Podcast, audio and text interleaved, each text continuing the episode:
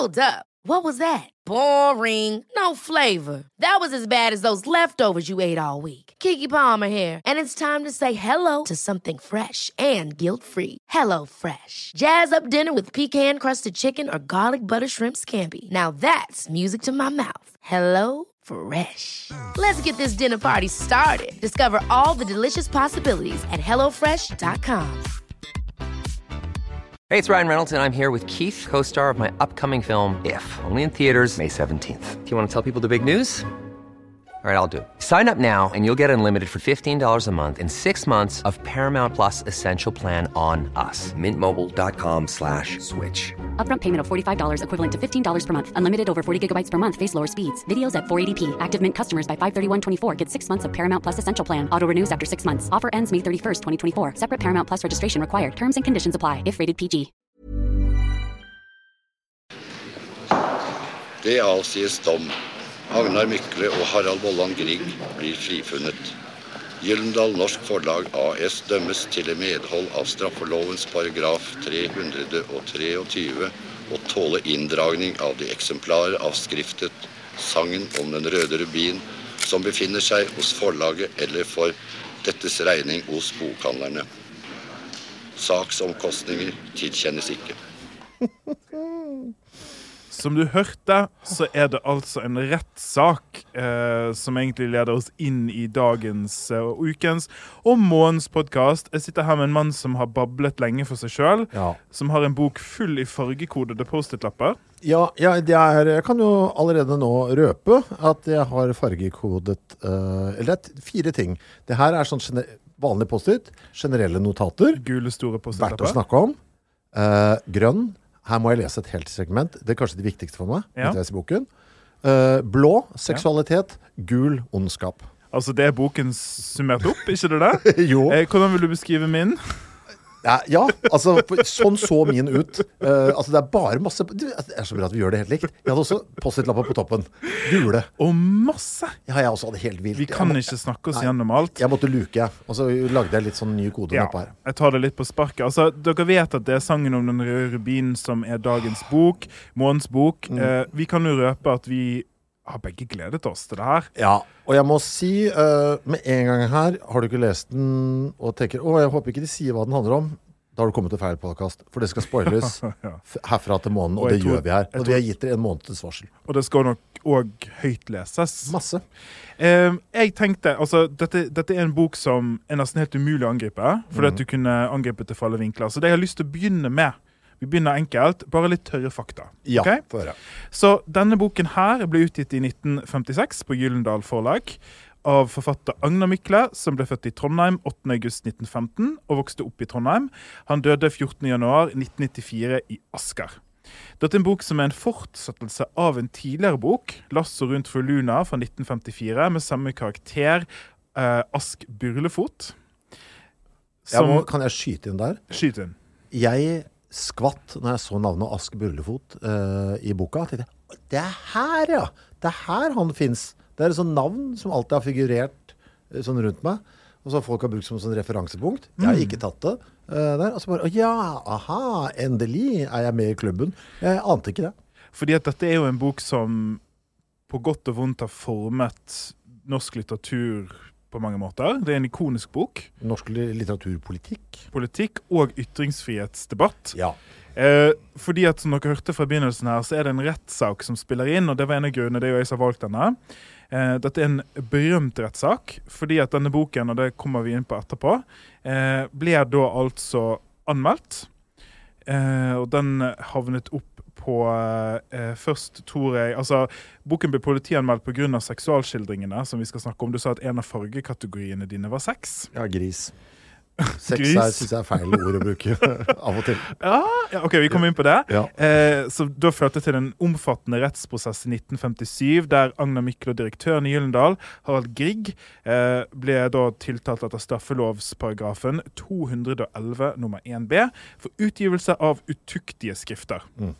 Eh, denne boken ble umiddelbart konfiskert eh, og forbudt, fordi den da ble funnet eh, utuktig, for den ble dømt da i, i retten her. Eh, og så ble det anket, og dommen ble opphevet av Høyesterett våren etterpå. Det er ganske interessant, altså. Det er jo et skifte her da, på mange mulige måter. Det er et skifte. Um, jeg gleder meg til vi skal litt mer inn i kjøttet her, Ja. både bokstavelig og metaforisk. Dessverre altfor bokstavelig. Eh, men det er greit å ha litt i bakhodet nå når vi skal lese, at denne teksten som jeg tror med Vi, vi får se hva vi syns om den, men den, den var eh, fryktelig mye støy rundt. Det var Var det 56 du sa den kom? eh, Ja, altså 57 Boken kom i Var det 56, ja? Jeg skal bare dobbeltsjekke her. Ja, 56. Rettssak i 57. Og så anke våren etter der igjen. Ja, ikke sant? For det er nå da tolv år til eh, liksom 1968 og alt det medfører. Nettopp. Som vi liksom har sett på som et sånt I hvert fall sånn kulturelt så er det sånn skille. Da kommer det. Ja, sant? Da, kommer det, da, er, det, da er ting lov. Så dette er, er tolv år før, før det er greit. Før 60 år. Ja, sant. Eh, og derfor har på en måte rettssaken og boken blitt stående som et bilde på 1950-tallet. Eh, jeg var ikke født da, eh, men det høres ut som det var ganske puritansk her. Både rettsvesen og samfunn. Eh, og derfor er boken òg et viktig kapittel i Norges historie. Eh, ja. Og OK, nå skal, skal jeg først bare si hva Nå skal Jeg raskt, jeg har skrevet en uh, tre setnings oppsummering av hva boken handler om. Kom.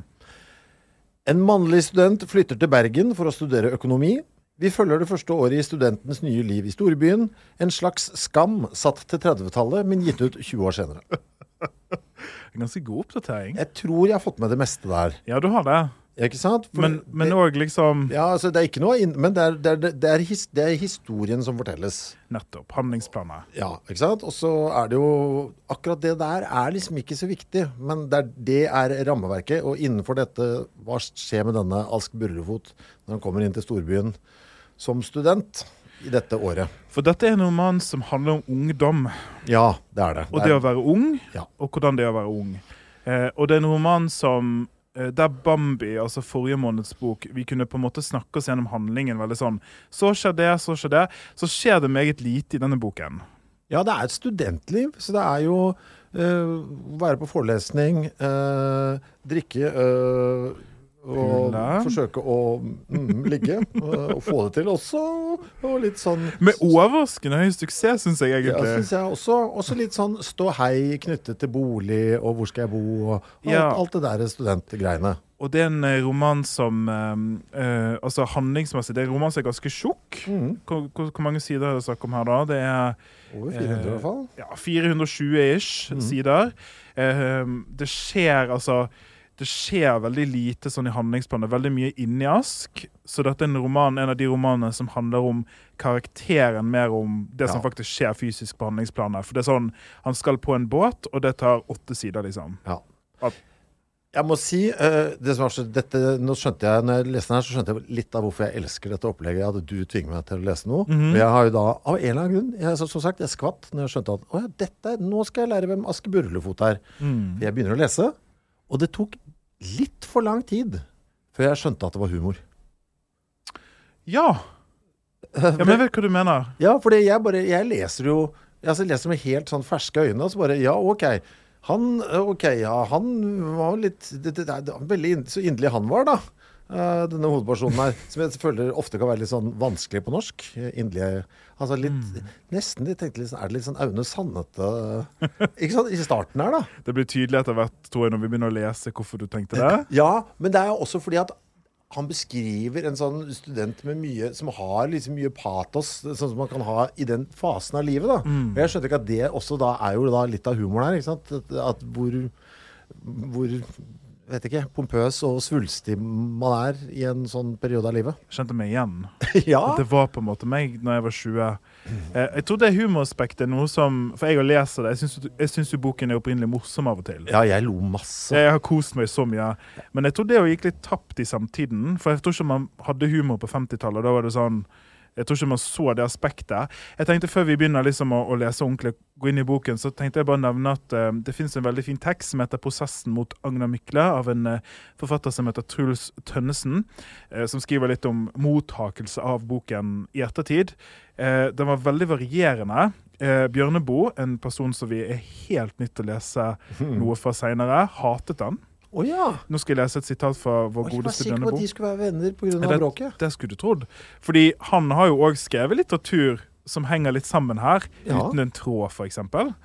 Eh, men det her var det Bjørneboe hadde å si. 'Rubinen er ikke en roman.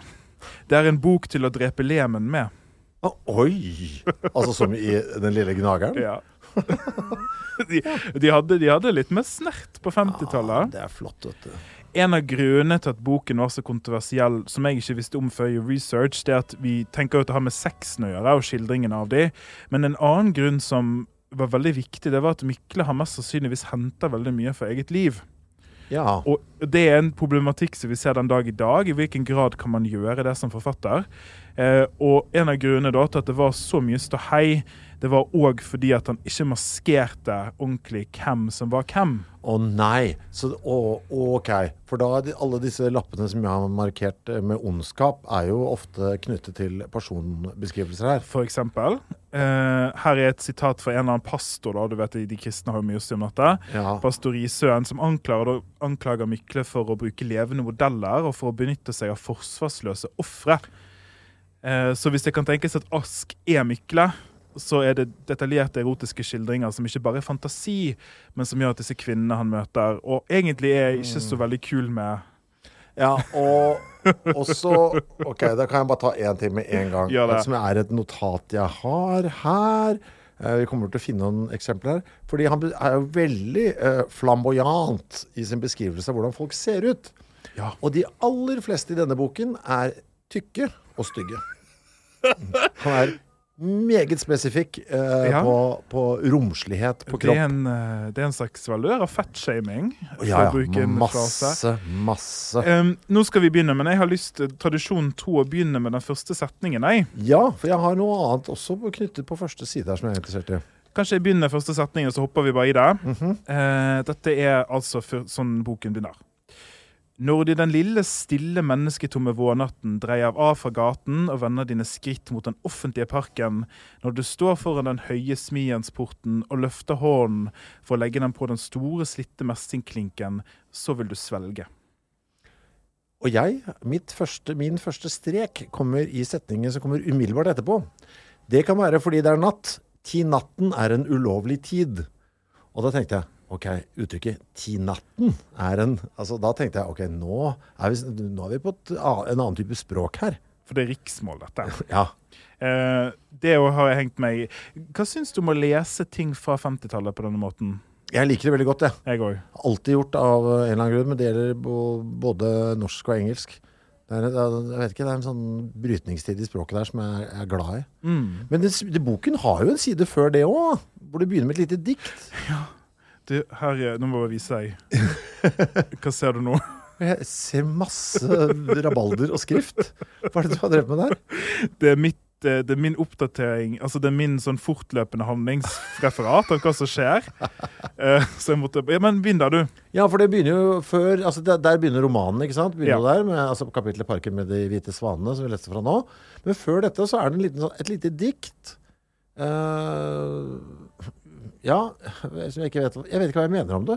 Men eh, de to siste linjene er 'Denne bok bør leses to ganger. Den har et budskap også'. ja, Jeg har satt en strek der. hva tenker du Kommer du til å lese den to ganger, tror du? Nei. Nei, jeg tror heller ikke det, for det er ikke en sånn bok man leser to ganger. Jeg føler på en eller annen måte at forfatteren har kanskje et litt for høyt bilde om seg sjøl når de tror at jeg gidder å lese det to ganger. Det vært, altså, jeg har likt den boken veldig godt, men det er ikke en bok jeg trenger å oppdage Altså, jeg trenger ikke lese Det er ikke så subtilt at jeg ikke fikk det Nei, med det meg er, veldig, det er ganske så tydelig her. Ja, jeg syns jo det. Ja, den, det, det det. er akkurat det. Den, den er Du skjønner hva du leser. Ja. På en måte, Det er ikke så mye mer. Du trenger ikke lete mellom linjene masse. Men vi må gjøre et valg, Ja, meg og deg. ja. Eh, vi må bestemme oss hvordan vi skal angripe dette. Skal vi snakke oss igjennom det? Skal vi hoppe fra sitat til sitat? Hvordan har du lyst til å gjøre det? Jeg vet ikke. Eh, Jeg, jeg, jeg, syns, jeg syns det er vanskelig. Eh, Jeg har litt lyst til å gjøre det tematisk, jeg. Ja, Eh, hvis vi kan prøve, og så kan vi bare se. ja, sorry, nå bare fant jeg fant jeg et sitat her. Og hun var et bjerg av rosa, villig kjøtt. Jeg var ikke det jeg lette etter, men Ja, ikke sant? Der har vi det da igjen. Eh, Ok, Ja. skal, vi, skal vi bare begynne med erotikken? Jeg kan godt gjøre det. Så uh, jeg skal ta en liten disclaimer, så kan du hoppe deg på. Så dette er altså på handlingsplan, som sagt.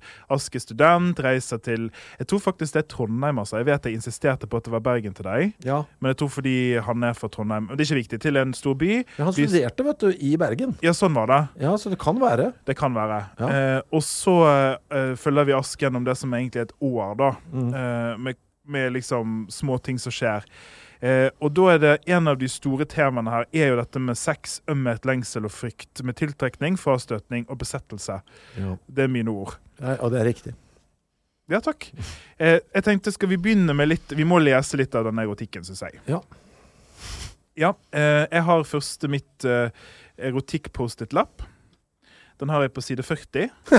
Vi har på side 41. Ja, Ja, og det sier litt om hvor lang denne sekvensen eh, er. For den strekker seg over mange sider. Er, det, er han på båten nå, eller? Ja, dette er første gang han har sex med en kvinne. Ja, for det, kom, Altså- det kommer litt brått på. Men ikke første gang i hans liv. Nei, men første gang i romanen. For det skyter jeg inn her. Altså han, øh, for dette er også viktig å ha med seg. Han drar da inn til storbyen. Men øh, vi snakker om en 21-åring som allerede har to barn. Og det er en viktig del av boken. Sant? Så han har brent seg to ganger, Øh, Ja. og mye av romanen og litt sånn det som handler om Ask og hans på en måte sånn narkotiske tiltrekning til sex, men dype frykt for intimitet. Det er nettopp det at han har brent seg to ganger. Og han har da to løs barn, ikke mine ord, eh, som er født utenfor ekteskap. Den ene av de to kvinnene som da er mor til barn én, er etter han hele tiden og skildres som en ganske fæl skikkelse. Mm. Men Ask er hele tiden konsumert av Men det er ikke, hun er jo ikke fæl. Altså, hun, vil, hun vil ha barnebidrag. Det er jo helt rett og rimelig. Og Ja. han bare stikker av, liksom. Nei, nei, nei. Og så er det noe brev fram og tilbake også, men sånn som Ask skildrer det, Ja. så er hun den fæleste personen på planeten. Ja, For hun ødelegger for hans øh, fantastiske frihet. Ja. så dette er altså første sted eh, der uh, eh, det has sex. Vil Ja. du begynne, eller skal jeg begynne? Du, jeg kan bare hive meg på jeg, etter hvert. der. De er jo på en båt her, da. Hvor det Altså, ligges vi må nesten Kanskje jeg leser første del, så leser du andre? Ja, ja. Um, han var allerede i gang med henne, og hun lå bløt og stønnende og nynne under ham. Hans seksuelle lykke var grenseløs. Likevel var hun så hungrig på det hele og fulle opplevelsen at han ville ha klærne av henne. Et øyeblikk nølte han, av angst for at hun, da han trakk seg fri, skulle anse leken for slutt og lukke seg til. De hadde hendt ham et par ganger før i livet. Det hørte til hans bitreste minner. Han avskydde det hastige, kortvarige ritt som bare ga mannen den utløsende eksplosjonen. Et favntak var ikke noe favntak uten at begge var med, og at de red lenge. Et kvarter var det minste. Et kvarter skulle mann og kvinne sammen ride. Men her, hos den lubne overflodspiken, følte han seg trygg. Altså, her har det vært altså, noen det er- beskrivelser i forkant her av hvor, fet uh, hun var. Og beskrivelse av det brant seg inn i mitt minne. Marsipanhud. Ja, er helt urimelig. Uh, men her hos denne lubne overflodspiken følte han seg trygg. Han følte han var velkommen i henne. Han følte at hun ville hilse ham velkommen tilbake om han løste seg fra henne noen sekunder. Han begynte å klæ av henne, men hans hender skalv for grovt. Hun hjalp ham. Hun var rosa som en nymfe over hele den bløte, struttende kroppen. Han var besvimelsen nær av sanselig glede. Han red den rosa nymfe med en hyende stønning. Det var varmt i lugaren, og den gode svette dryppet ham fra pannen, og efter en stund spurte han med hivende og hviskende stemme ned i hennes hår om hun hadde det godt, og hun hvisket 'skjønt'. Og det var slikt et fornemt ord i en landsjentes munn at han holdt på å ramle av. Altså, du, det er en, kjempelang setning her. Uh, ja. Altså, det, det, det, det er bare å komme meg her. Så jeg vet ikke hvor jeg skal slutte å, å snakke. Eh, nei, kanskje jeg tar siste del, da. Ja. Jeg har fortsatt lyst til å lese mer. Ja, ja. Så da er det bare å komme her. Men han bet den farlige latteren av, for den kunne ødelegge meget. Og efter nok en stund torde han våge et nytt spørsmål om det hadde gått for henne, og hun hvisket et stønnende ja tilbake mange ganger. Og han trodde ikke hva han hadde hørt, og spurte om igjen. Jo, det hadde gått for henne mange ganger. Det gikk for henne hele tiden. Og han ble fylt av en elektrisk forbauselse. Hans nakkehår reiste seg av forundring. Han måtte heve hodet og se på henne.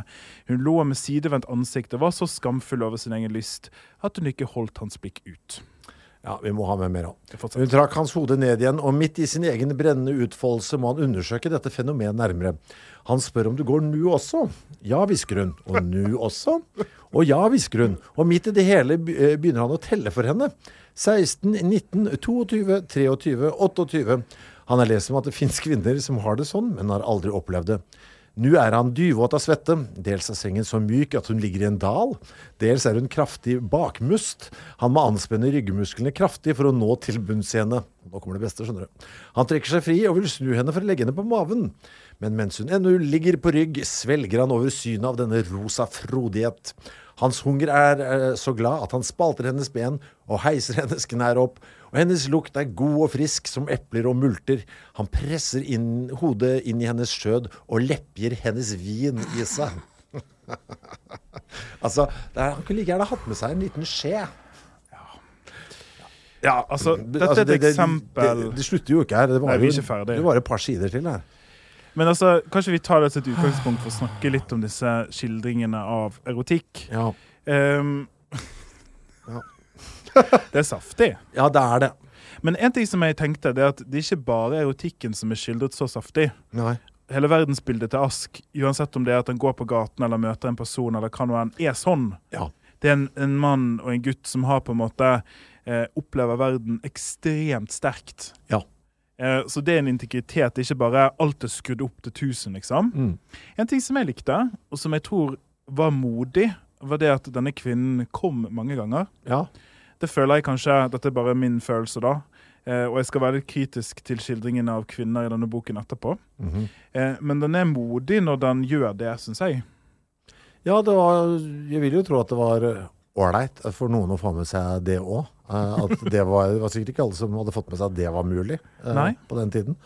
Det er ganske mye fokus på orgasme her, men òg på kvinnens orgasme. Ja. Det fins en scene seinere der eh, ja, jeg har litt kritikk å komme med. ja, det har jeg òg. Ganske hard kritikk også. Eh, jeg må bare ta den her. Dette er fra langt ut i boka. Bare så dere skjønner liksom hvordan han liksom koser seg med språket her. Hun gikk med på å ligge med naken sjø da han la hennes ben fra hverandre, stakk sine fingre inn i henne og kjernet Ja, rundt. den, den der. Altså som Den der. ta Jeg vet ikke, altså. Hva er, du, altså hva er det, Som om det var smør, liksom. Hva er det du vi skal, vi skal, skal Ja, vi skal snakke mer om akkurat den sekvensen der litt seinere. Uh, ja. Men, men at det, er, det er sånn. Jeg synes også, jeg bare tar en Ja, annen bare så, på, bare så skjønner du hvordan han koser seg, liksom. Han blir ferska på et tidspunkt her. Mhm. Han ligger i uh, Altså bare sover, og vertinnen der hvor han bor, uh, kommer inn. Dette er på det side 85. Og da bare syns jeg formuleringen uh, for, altså, Hun skvetter så fælt, for hun syns dette er så mye. Og da er det derfor han sover med hånda nedi buksa. Ja. Ask sover med hånden lukket rundt sin manndoms vinsekk. Den har jeg også skrevet ned. Det er saftig. Og jeg tror faktisk en av de tingene som jeg koste meg mest med, som jeg ikke visste, det er, det er en sånn språklig glede her. Ja, det er det. Det er et Det- overskudd her. Det er et overskudd, og det er en forfatter som ikke er redd for å, og liksom Der er 'less is more', noe som vi ofte hører i litteratur. Ja. Her er 'more more'. Ja, ja. Og det er ikke Hemingway, dette. Dette er en forfatter som på en måte nesten vått gleder seg over den sensoriske verden. ja. Og jeg tror jo, Tilbake til Aune Sand. Han er glad i sangen om den røde rubin. Ja, Det tror jeg. Uh, ja men jeg òg er glad i sangen om den Ja. røde rubin. Jeg også er det. Uh, jeg lo jo mye, liksom, Uh, her. Jeg tenkte jeg skulle si um, Altså, en ting jeg skal si òg, det er at dette er en bok som brister over av sitater. Mm. Det er en så sitatvennlig bok. Jeg har ikke vært borti det. Og jeg har, eh, stakkars kjæresten min har måttet blitt facetima mange en gang for å høre på meg høytlese fra denne boken. Så nå har det gått over samlivet mitt òg. kan jeg bare lese noen frittstående sitater til deg? Gjør det. Her er en av de aller beste. Den tror jeg sendte til deg på SMS. Ja. Alltid var hennes orgasme så rystende sterk at det sang i fiolinen som hang på veggen. Ja. Det er drøyt. Ja. Uh, ja. Eh, her har jeg en annen ting. Uh, ja, kan jeg ta Ja, det er kanskje et langt sitat. ja, men kjør på. OK, så Altså, en av de store temaene her, da, det er Ask og hans forhold til kvinner. Ja. Og han har et dårlig forhold til moren sin, som skildres ganske hardt. Ja. Eh, og han er på en måte hele tiden simultant som sagt veldig tiltrukket til sex, selvfølgelig. Eh, og det, det kjøttslige. og putter alltid kvinnene rundt seg enten på en sånn madonnastol, at det er de gode, rene, fine eh, og sånn, eller som er sånn fæle, heslige harpier, liksom. Ja. Og så skjer det et par ganger i boken, og dette gjør boken veldig godt, at de to tingene glir over hverandre. Ja. At han eksempel det vi hadde sagt i dag, datet eh, en kvinne. Han er ofte veldig hard mot de kvinnene han er involvert med. Eh, Tørre Molly er et sitat her. det er altså en, en kvinne som er veldig tørr nedentil, Ja. eh, som han er veldig lite grasiøs rundt. Jeg Ja. tror enhver kvinne hadde funnet seg ikke i den oppførselen hans. Eh, og så er det en kvinne som han har liksom ingenting til overs for fordi hun er dum som et brød, da. Mm. Ask sine ord. Men så skjer det noe fordi at han er syk, og så Ja. kommer hun og gir han en kjekspakke. ja. Og da har jeg lyst til å lese det. Hva som Og det skjer. er, så, ja, det er et veldig fint øyeblikk. Og det syns jeg også er liksom veldig som bisk, det, Der syns jeg han er veldig god på å fange ungdomstiden også. Mm. Uh, ja, ta det. Da tar jeg det. Så nå har altså denne kvinnen som han egentlig bare har vært interessert i for sexens del, og har veldig lite fint å si, si om, kom til han når han er syk, med en kjekspakke som er et sånt lite symbol på omsorg. Og så skjærer det seg. Dels og ikke minst er det anelsen om at hennes sykebesøk og hennes kjekspakke er et sjenert uttrykk for ømhet og for vennlighet. Kanskje hun til og med er glad i ham. Denne tanke knekker ham. Han svelger der han sitter oppreist i sengen med kjekspakken i sin hånd. Så lenge det bare er skjønnslek dem imellom, så går det an. Men når hun nå også viser ømmere følelser Han fylles slik av skam og av fortvilelse. Han ønsker han kunne gjemme seg under dynen, synke, gråte. Kunne han bare få være alene, alene med sin kjensel og sitt hjertets fattigdom. Tian elsker henne jo ikke, og kan aldri komme til å elske henne. Kjekspakken i hans hånd har gjort det skjærende klart for ham. Å, Molly, Molly, du skulle ikke ha kommet og vist meg denne vennlighet. Ja, men det er jo øh, For det er jo det han hele tiden blir møtt med her. Han har så, han har så klare tanker om hva noe skal være før han går inn i en situasjon. Her skal det knulles. Eh, Det er det som skal skje. Og så kommer det inn i kjekspakken og bare ødelegger alt. Å nei! Å ja, det er et ekte menneske her. Ma, ma, ma, ma, ma, ma, ma. Ja, og, og liksom at denne personen For det, jeg synes det var, det var en scene som jeg følte at da var Mr. Mykle god. Fordi det er en, jeg kjenner det litt igjen Ja. i meg sjøl. Eh, for tider der jeg på en måte, iallfall for denne ungdomstiden, der man har veldig sånn eh, Det er ikke hva jeg skal si engang. Veldig sånn forutinntatt idé om hva det vil si å elske, hva det vil si å ikke elske, hvem personer er og sånn. Og så Molly, da, som han egentlig For vi, vi er jo med inni Ask. Vi hører alt han tenker, og han tenker fryktelig mye stygt om tørre Molly. Eh, så kommer hun altså der med denne tørre kjekspakken. Og så liker ikke han kjeks engang, til og med. Nei. Det er jo en sånn lang monolog om at han syns ikke kjeks er noe. Ja. Men ja, dette er jo ting som går igjen i livet hans også. Han, har jo sånn, han er veldig oppsatt på Han går jo på dette økonomistudiet, men han skal jo være da en, en sosialist i økonomistudiet. Altså, det er, også, han er liksom så, så han er veldig Og der har han han har veldig mange sånne eh, idoler og idealer som han liksom ser for seg å oppnå. Og så med en gang han blir kjent med folk, så bare Oi, ja, vent litt nå. Uh, han har et sånt ønske tror jeg, om at verden skal være svart-hvitt, og så oppdager han at uh, mennesker er ikke det, gjerne. Og man får den smellen der litt i trynet. Veldig. Han er en person Og igjen, det er en roman om å være 20 år. Ja, Den er, jeg tror 20, altså 50-tallet og 2020 er ikke det samme, men jeg kjenner meg igjen i Ja, noen av disse skildringene. Jeg slo meg jo det. Det har jeg skrevet som et notat her. Jaggu er li, eh, liv like opp gjennom tidene. Eh, der. En del av det er jo òg at han, um, han er da altså for det han sjøl beskriver som et hjem som er kulturelt fattig. Eh, og hans higen etter store tanker og store ideer eh, og de viktige tekstene og det å være morsom og kvipp i riktig selskap og få eh, oppmerksomhet fra personer han sjøl idealiserer, eh, mens andre mennesker er bare noe dritt. Og liksom, hele den der svart-hvitt tankegangen følger jo romanen veldig. Eh, og Aske er på en måte det er en veldig god skildring der han blir med to sånne her eh, sosialister hjem, og de sitter bare og snakker over han. Eh, som brant seg inn i minnet mitt, der han bare sitter hele kvelden og liksom smiler pent. Arsle Pissatrengen, han vet ikke hva som skal gjøre altså. seg. Og det kjenner jeg meg litt igjen i. Ja, bare vet du, Jeg tør ikke engang gå på do. Nei. Han er så ærbødig, liksom. Ja. Det han gjør, og det er jo å leke voksen. Ikke sant? Det, For det, han prøver jo hele tiden det. Har sånn ønske om å liksom å, å bli, altså være et ferdig voksent menneske der. Så han later som han er voksen mye. Ja, og kanskje òg liksom det å være 20, eller tidlig i 20-årene innebærer Altså, veldig mange mennesker gjør mye vekst i 20-årene. Ja. Og det er der man liksom blir litt sånn voksen da, på ordentlig. Og da er det jo sånn at man kommer inn i det med veldig mye sånne ideer om hvordan ting skal være. Eh, og man liksom lærer seg sjøl å kjenne. Og Ask er en person som eh, vil gjerne være mye. Ja. Og vil gjerne bryte med fortiden sin og vil gjerne være sånn og sånn. Det skildres veldig fint at han ankommer båten i begynnelsen med hva er det med en fiolin. Fordi han har dette kunstneriske aspektet ved seg. Men man kan ikke være, Og så går han på en økonomiskole som er tørt og, og arkete og sånn. Og det er jo en sånn eh, konflikt som preger boken, den her strømningen mot det kunstneriske, som likevel han ikke kan forfølge fordi han skal være noe annet. Ba, ba, ba. Jeg har en sånn liten sekvens her som er litt sånn utenfor, som er på side 194. Som jeg synes, Han ser på et annet, han er jo på disse sosialistmøtene ikke sant, på et tidspunkt her, og så ser han Oi, sånn, det er folk som røyker pipe her. Og det syns han, og det synes han er flott. Eh, jeg må ærlig innrømme at jeg fikk faktisk lyst til å begynne å røyke pipe av denne lille Eller snadde, som det heter. Snadde. En snadde ligger så godt i hånden, en snadde ligger så godt mellom tennene. Nå tenker vi på den røkende.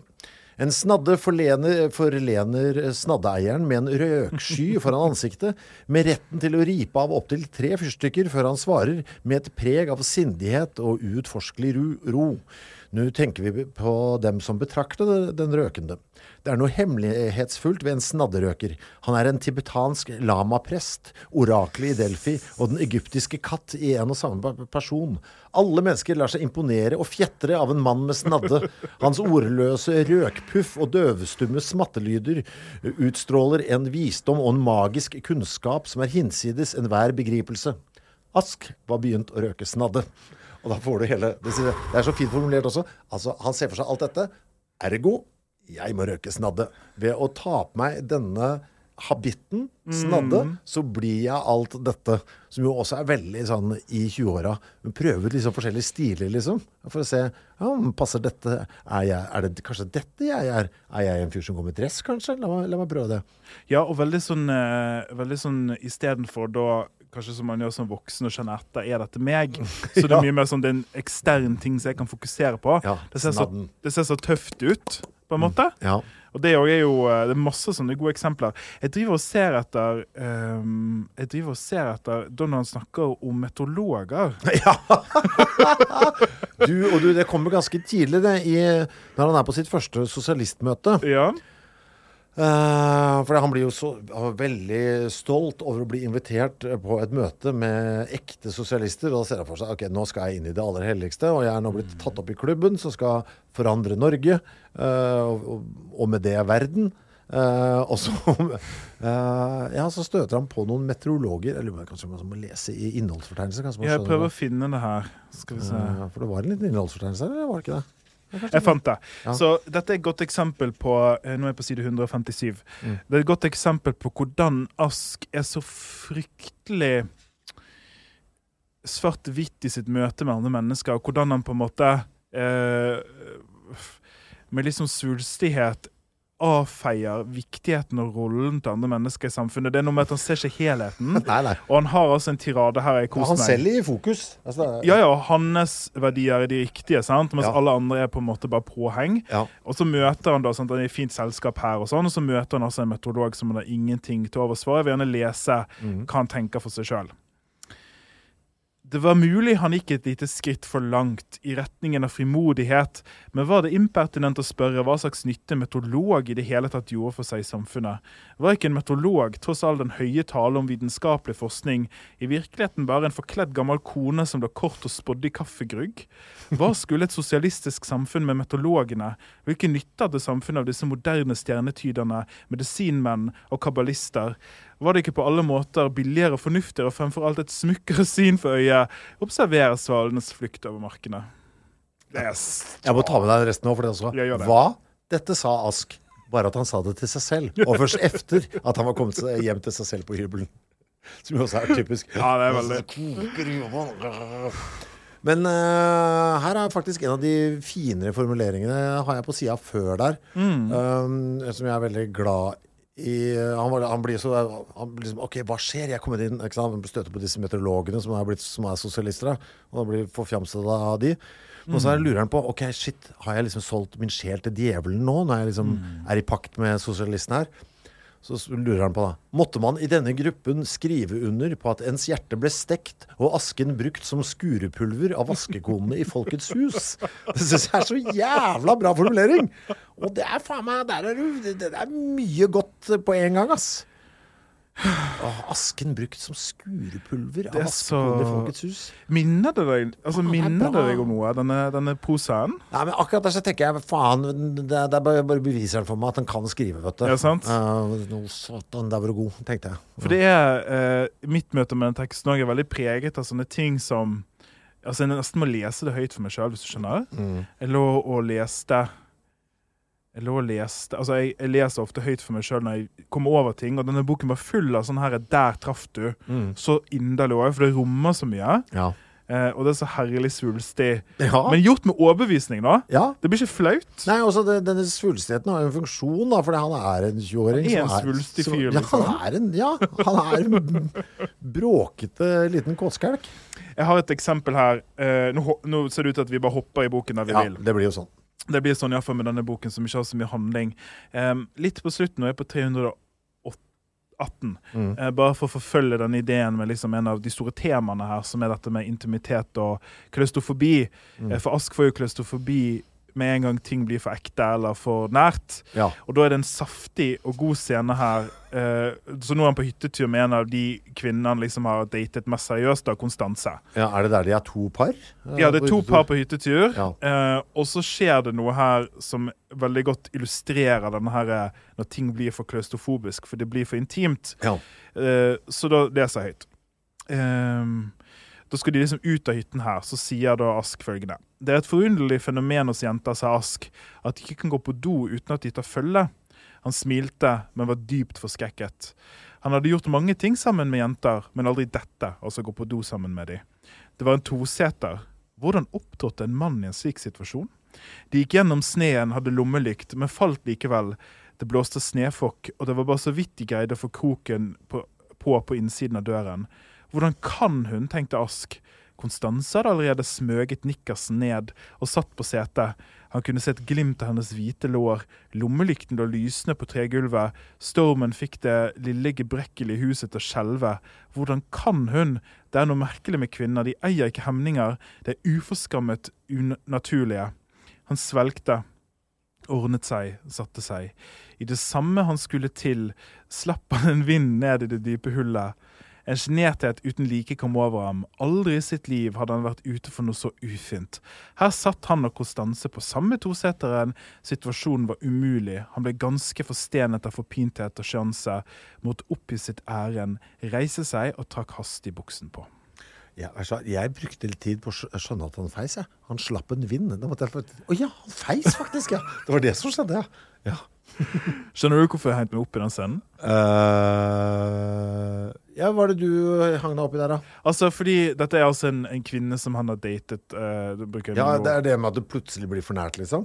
Ja, og at det Mm. liksom symboliseres med sånne hverdagsting, det, det syns jeg uh, Agna Mykle er veldig god på. At Mm. ting er ikke på en måte abstrakt. Uh, her er det et veldig konkret symbol. Og det tror jeg man kjenner litt igjen. Altså igjen, Det er noe universelt ved det. da. Det krysser en grense å gå på do sammen. Ja, dette minner meg jo om det uttrykket som jeg vokste opp med på, på, i min periode da, av Mm. livet som var lik. For da hadde man eh, Når noen liksom ble et par og ble sammen og sånn, så husker jeg det var et sånt uttrykk som var Men er dere promps?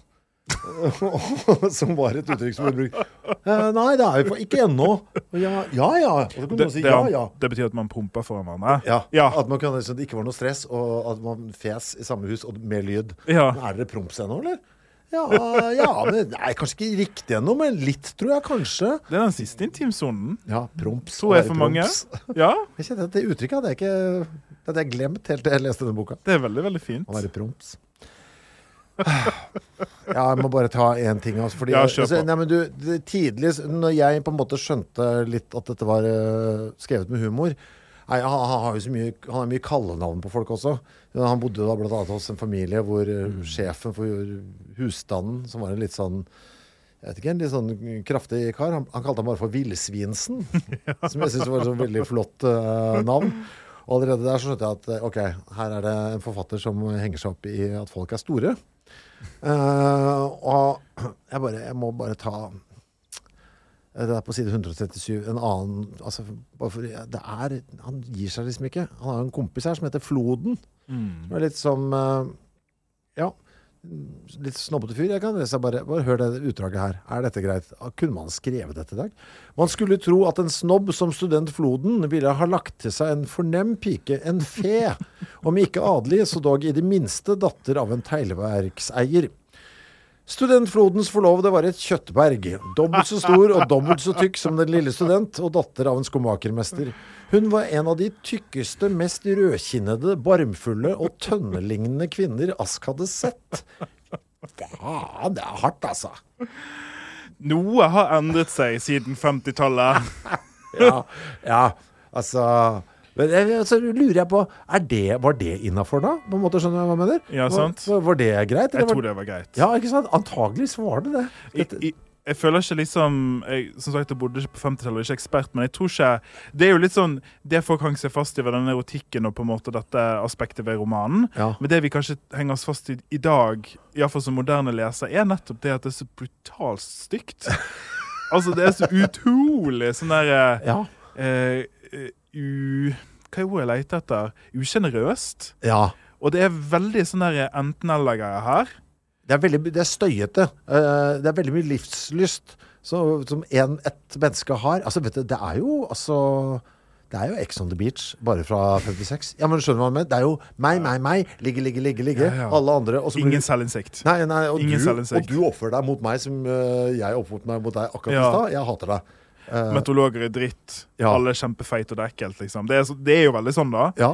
Men det er jo, det som er poenget, tror jeg. ja, men litt kult òg. Altså, ja, ok, det er tydeligvis Det er noe man må gjennom det i den alderen. Da. Og kanskje litt sånn altså, du, Som forfatter, da, så dette er en karakter som ikke fins. Mm. Uh, og da har forfatteren valgt å sitte til live et helt menneske. Mm. Fordi det er jo usjarmerende trekk ved Ask. Mm. Uh, vi kan godt snakke om det ordentlig. Fordi det er en karakter som, som på en måte er lett å like, men også helt umulig å like samtidig. Ja. Eh, kanskje vi tar Men det har jeg skrevet som et notat her. Han kunne jeg ikke vært venn med. Ja, Ta det. Hva er det, det, du tenker på? Nei, jeg bare, det, et, en sånn, et sånt menneske hadde jeg ikke, jeg hadde ikke orka. å ha. det er så mye. Ja, men også fordi det er en sånn øh, Det er så uraust, da. Det er nettopp det, han, jeg hadde ikke orka å være venn med han. Også så utrolig selvopptatt. Også så, og har så, et menneske som har så høye tanker om seg sjøl òg. Ja, Og det, det, jeg hadde ikke orka det, rett og slett. og det er jo liksom òg Det er jo òg Hvis du har denne livslysten på Altså denne her tørsten, da. Mm. For det er jo en, et viktig tema her. Det er en person som er ny i livet, og som er, liksom aldri får nok av livet, på en måte. Mm. Så er det òg slitsomt. Mm. Og det er en slitsom roman å lese på den måten at du blir Jeg vet ikke hvordan du gjorde det, men jeg måtte ta de 20, 20 sider var maks for meg. Og så var jeg litt sånn glad for at det var litt rolig, hvis du skjønner. Ja. Jeg hadde det litt sånn i bøyger, så plutselig hadde jeg en sånn eh, formiddag i solen eh, her. Og jeg tenkte, vet du, åh, hvem vet hvor mange soldager det er igjen av dette året? Og så jeg bare, ok, så ble jeg sittende på terrassen, og da røyker jeg på en tredjedel i én sitting. Men da kjente jeg altså, nå venter jeg et par dager. Ja, Nå, nå, ble det, nå ble det mye Nå ble det mye stygt på en gang her. Og så er det jo kvinnesynet, da. Du, der har vi et kjempeproblem. Ja, Kanskje du sier litt der, så skal jeg henge med på? Eh, jo, og da må jeg tilbake til eh, eh, du, unnskyld, jeg må bare ta en ting først. Ja, gjør det. Eh, Fordi, ja, Apropos usjenerøs og kunne ikke vært venn. Her har jeg et eksempel på det. Dette er altså en, en karakterbeskrivelse igjen. Dette er 'Life According to Ask'. Her skildrer han en av, eh, en av karakterene, og så gir det innsikt i hvordan verden ser ut for Ask, og hvorfor kanskje Ask ikke alltid er så kul. Skal vi se. Skildrer eh, en, en mann her, da. Han var snill Nå er jeg på side 226. Ja.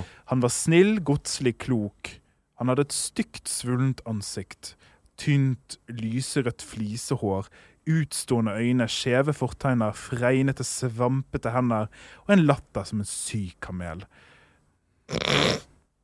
Med latter som en syk kamel. Som en syk kamel. Og så etterpå neste setning. Her var den skjønneste mann som Ask noensinne hadde truffet. Den skjønneste? Fordi han liker han. Ja. Eh, Jeg må ta et par sider til her. Adjunkten var tykk og meget tung i kroppen. Igjen, altså, let it go. Hva er den her uh, fatshaming-greien? Eh, hans skuldre var hengende og hans hofter brede. Hans kroppsbygning fikk en til å tenke på en forfallen pyramide.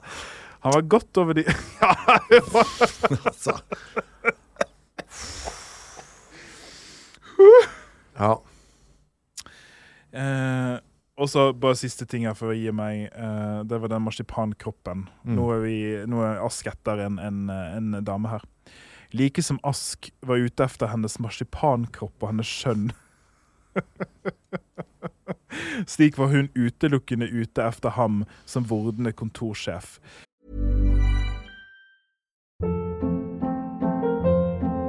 Hold up. What was that? Boring. No flavor. That was as bad as those leftovers you ate all week. Kiki Palmer here, and it's time to say hello to something fresh and guilt-free. Hello Fresh. Jazz up dinner with pecan-crusted chicken or garlic butter shrimp scampi. Now that's music to my mouth. Hello Fresh. Let's get this dinner party started. Discover all the delicious possibilities at hellofresh.com.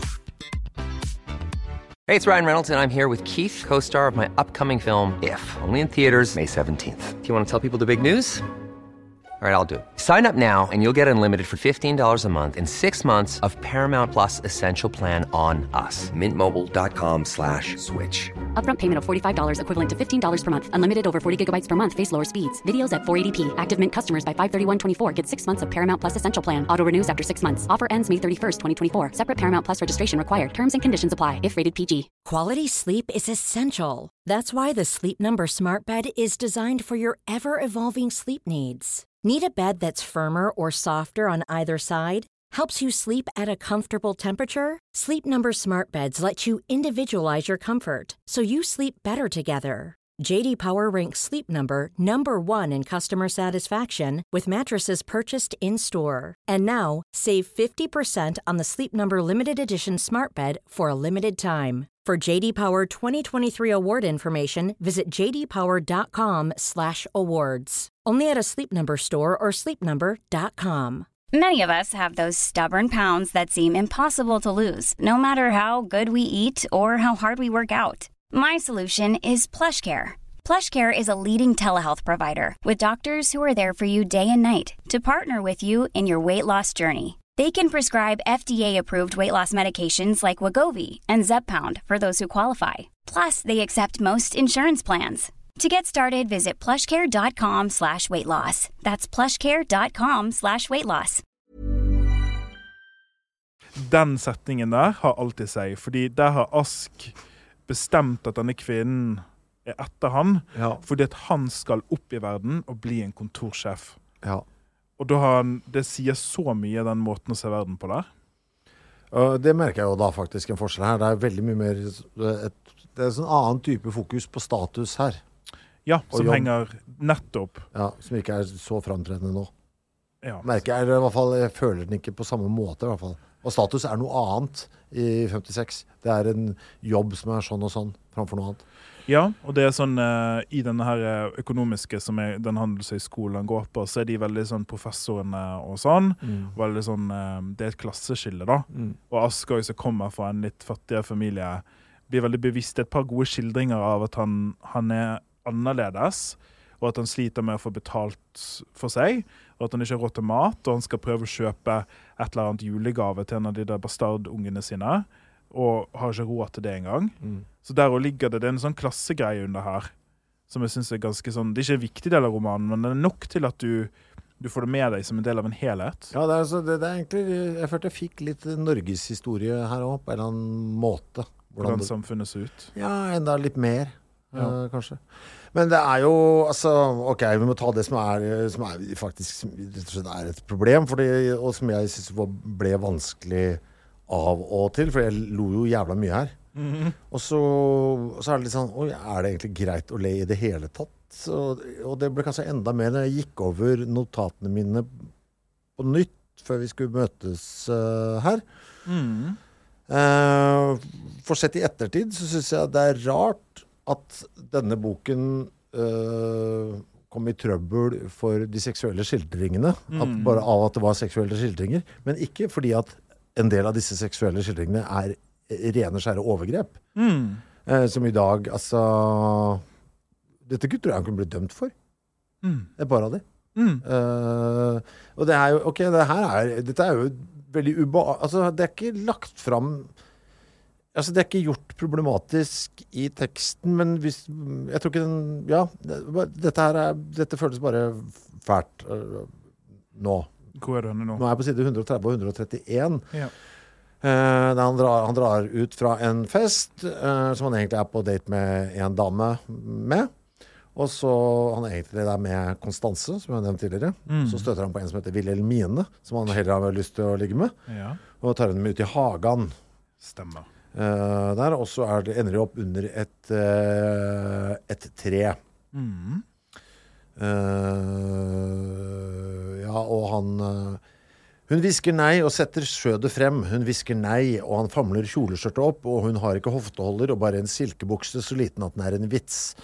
Uten overgang og uten kamp står han med hånden under hennes skjødsfersken og tvinger fingeren letende inn.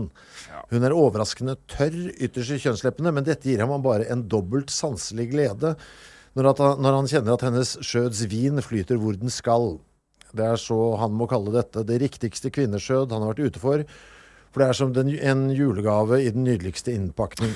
Og så blir det egentlig bare verre og verre. Eh, Nå er hans hender grove, og hans hjerter eh, bulter. Nei, sier hun, og hun arbeider avsindig med underlivet. Hun holder om ham og hvisker nei, nei, og et hastig øyeblikk stopper han, såret og skuffet. Han vet ikke om hun mener det. Nei, sier hun da. Han slipper henne med den ene hånd og gjør seg selv rede. Og nå, nå, nå smiler han og har hanndyrets fortørnethet over å ha blitt oppholdt. Hans, eh, fil, han filtrer sine fingre inn i hennes hodehår og brekker hennes hode bakover og kysser henne. Nå er det svimlende verdensromøyeblikk eh, inne hvor mannen vet at makten og æren er hans.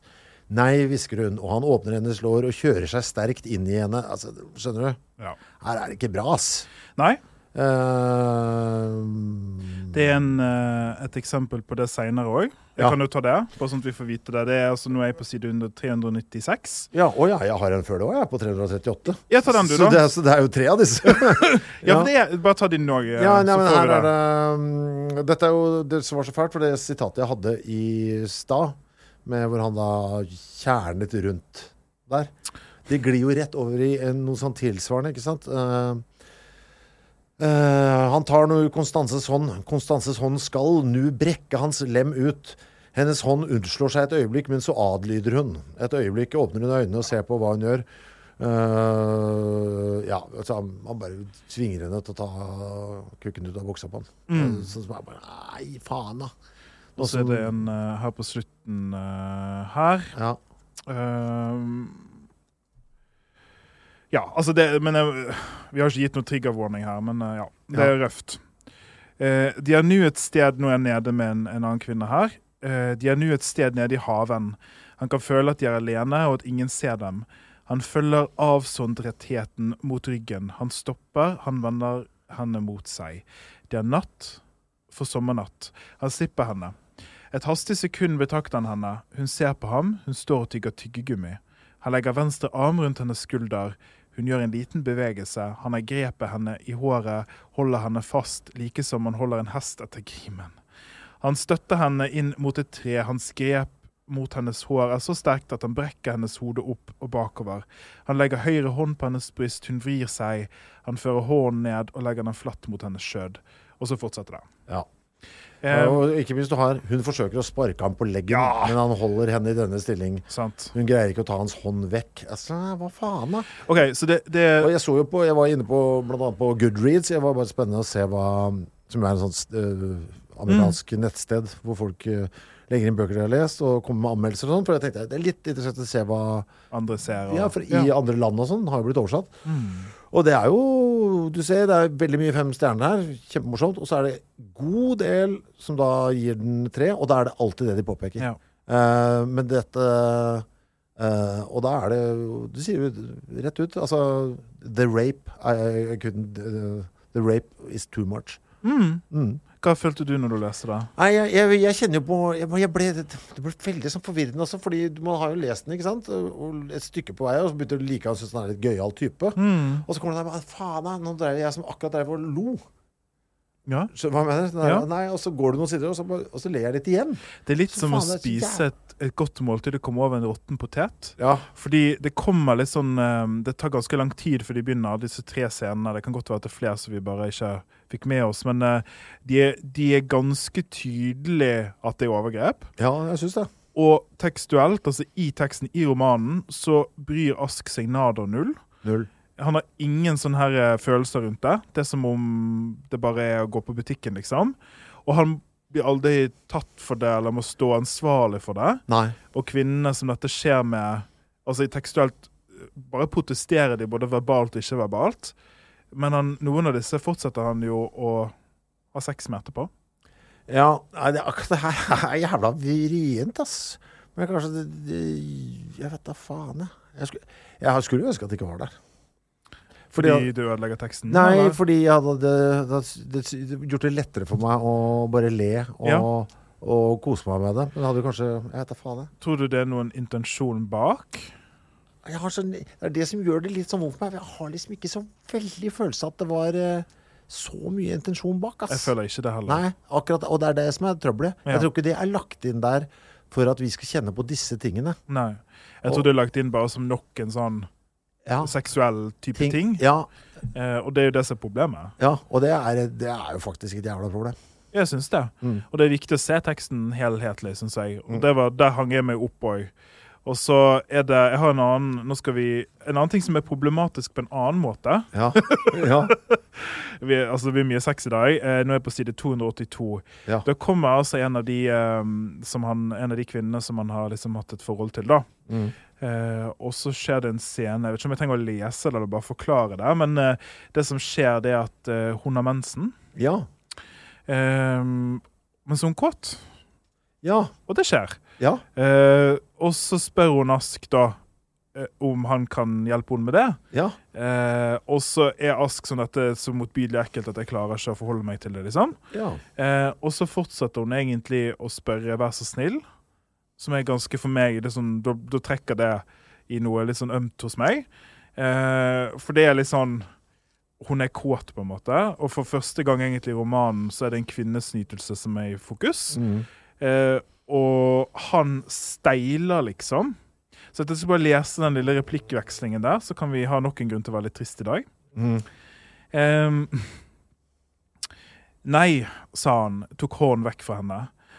Derfor vil jeg ikke ta kåpen av meg, sa hun. Nei, sa han og svelgte. Jeg visste ikke om det gjorde noe for deg, sa hun lavt. Nei, sa han lavt. Gjør det noe? Nei, sa han. Det Han visste ikke hva han skulle si. Noen overdreven aversjon følte han ikke. Det hadde hendt ham før i livet at følelsene hadde vært så sterke at de ikke hadde gjort ham noe, men nei, ikke sammen med Wilhelmine. Det var ikke så mye fra før som var skjevt i deres forhold. Alt det han hadde Alt han hadde ikke uh, Alt det han ikke hadde kunne fortelle henne. Og nå, menstruasjon Nei, nei, sa han. Hennes hånd kom, kom mot ham, hundevalpens borende snute. Han snak, han sank, hun sank inn i ham, bedende. De kunne vel likevel Nei. Han følte seg som en druknede. Han måtte gripe efter noe. Han så på klokken. Det var 20 minutter på ni. De kunne ennå rekke det hvis de løp. Vi går på kino. Da ble det kino isteden. Da ble det kino. Ja. Ja. Det er ganske brutalt. ja, men, men der har du noe litt sånn bra igjen òg. At det i det minste står om menstruasjon da, i en bok på dette Ja, sant. At, og, og at, eh, at liksom Jeg ser jo for meg at det var veldig tabu. Ja. Og, at, og at liksom dette er en av de få stedene hvor vi får lov å få innsikt i at kvinnen i livene hans har selvstendig liv. Mm. For en av mine store kritikker Altså overgrepene er selvfølgelig veldig blatant. Det er sånn, det Mm. er fælt. Men litt mer subtilt i teksten er det det at Ask bryr seg egentlig ikke noe om kvinnene han holder på med. Null. Eh, og det er noe som blir mer og mer tydelig, fordi han eh, Sånn som vi følger han, så har han så fryktelig mye å si om disse kvinnene. Ja. De har navn, heldigvis, og det er nå noe. Men han snakker ikke med dem. Han Nei. bryr seg ikke om dem, eh, hva slags liv de lever, hva slags drømmer de har, hvor de vil i livet. Helt ubetydelig. Det er sex. Og så er det òg sånn livredd for at det skal bli for intimt. Og da har jeg lyst til å lese det som jeg er mitt, min favorittbit i hele boken. Mm -hmm. uh, for det viser jo da, da kom, Som tar utgangspunkt i akkurat det du sa der, med at han kjenner jo ikke disse kvinnene. Hvor han da plutselig skjønner noe uh, med den ene kvinnen, som da er uh, Wilhelmine. Eh, som han har ligget med flere ganger. Det var hun som sa nei ute der. Ja. Uh, det viser seg jo Dette er jo da i, på slutten av 30-tallet dette foregår, rett før uh, verdenskrigen. Ja, så Boken kom ut i 56, men handlingen er satt i 30-tallet. Ja, så er 38 eller noe sånt nå. Ja. Og så skjønner Ja, han da at uh, Wilhelmine, som han da har pleiet en del omganger med her, er jo uh, Syns jo Hitler er framifrå. det helt, altså, jeg har ikke noe problem med Hitler. Ask Bullefot bor jo da hjemme hos en gammel jødisk eh, dame. Så han har jo da hatt med seg Wilhelmine oppe hos denne gamle jødiske damen på sitt lille kott Ja. og holdt på. Og da kommer det en sekvens her som Vet ikke, den trykker altså på Det blir så mange lag av eh, gøy å snakke om eh, for meg. Ja. Fordi, eh, for det første Dette kan man ikke skrive i dag. Uh, det er noe med ordvalget og sånn. Men samtidig så sier han jo egentlig ganske gøye ting, men det er veldig voldsomt. OK, jeg skal bare ta det her. Han skjønner nå. Hva side er du på? Ja, det er på side 170. Over i 171. Det blir langt, altså. Men dette, Ja, er, dette er for meg det jeg syns var mest interessant i nesten hele boka. Han akkurat skjønte OK, shit, jeg driver og ligger med en nazist. I dette sekund visste han også at han i sitt hjerte var mer venn med hver eneste usett neger og jøde på jorden enn med noen nasjonalistisk nordmann og med noen nasjonalistisk tysker. Deutschland über alles. Og der fantes noe som dog var høyere enn Tyskland. Noe. Om han kunne si hva dette noe var? Nei, men det fantes. Det skulle finnes. Han skulle finne det en gang og holde det opp for verden. Og så får han, da, altså får han planen sin. Han skulle gifte seg med en negerpike, skulle han. Det skulle være første skritt på veien. Lage fem skjønne mulattbarn. Det skulle han. Mulattbarn som gikk på ski i Norge. Og han skulle vise hver levende nordmann og hver levende tysker at mulattbarn skulle bli like gode skiløpere som noen arier.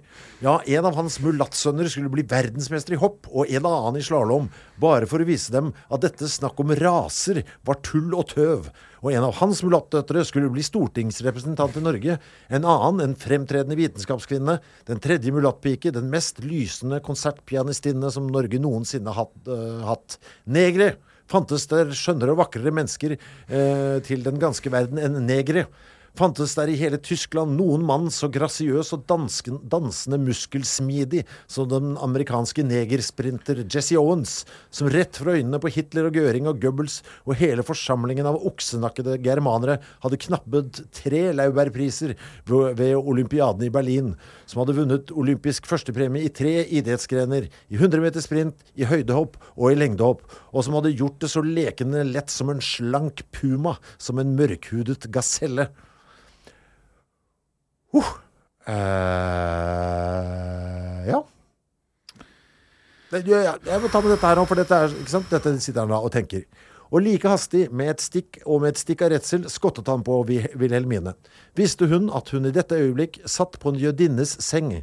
Visste hun at hun hadde drukket av en jødisk kvinnes vinglass?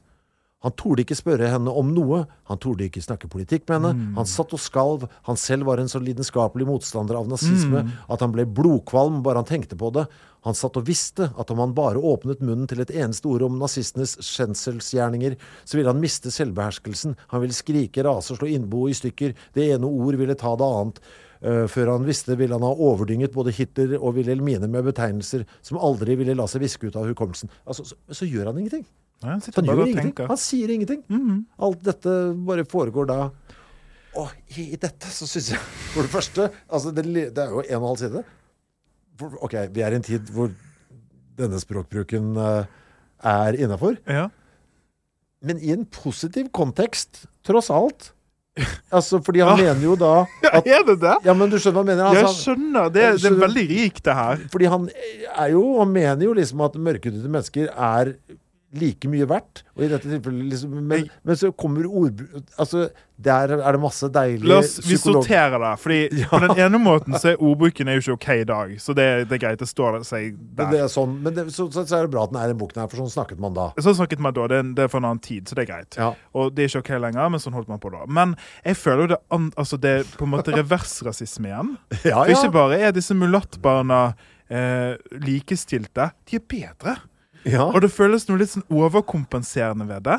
Og det må jeg bare si ja, at det er det er den ungdommelige hybrisen igjen, ikke sant? Ja, du skal være så god at du skal at du bare mm, Og, liksom, og det, det, det må jo du si, altså nå når vi er inne på litt sånn ting som vi tenker på i dag. Det er en kritthvit roman. Ja, ja, ja. Det er ikke en eneste person som ikke er hvit i denne romanen. Det er kun i denne lille drømmesekvensen til, han er opphøyd. Altså, hvor han skal lage et slags sånt overmenneske. Så skal, hvor det skal bli stortingsrepresentanter. Han har liksom gjort det Hitler gjør, bare med en annen rase. Ja, men det er litt Men samtidig eh, altså, ja, Men, han mener det jo kanskje, da. ja, han, ja, altså Han er i hvert fall Mener jo at vi burde være multikulturelle, i det minste, da. Eh, Ja, jeg vet! Ja, men det er det som er så Ja, det det er Fordi ja. fordi det er så jævla rotete. Det er veldig vanskelig, ja. ja. For jeg kommer ikke, du kommer ikke fram her, og det er det jeg elsker med akkurat denne sekvensen her. Ja, men det er veldig riktig. For her syns jeg Her lever romanen veldig godt for meg. I denne sekvensen her, For det er bare OK, shit, her har vi god smørje. Også det at han da faktisk i tillegg på slutten ikke gidder å si Eller ikke tør å si noe. Ja. Fordi han, altså, han mener jo helt Altså, her, Du står stilt overfor nazismen, liksom. Det det verste av det verste uh, her. Mm. Og så bare, vet du og så ender han, vet du hva, Nei, men det blir så flaut i rommet. Uh, Ja, her jeg ja, står ja. sammen med denne kvinnen som jeg ikke liker engang. Uh, Og der har jeg, for det er faktisk en av hovedpunktene mine her som jeg Ja. oppsummert for meg selv, ordløsheten. Dette er en mann som hele tiden konstant, Mm. til bekleinelse for de som leser romanen, ødsler ut om sine inntrykk og meninger om verden og folk rundt seg. ja.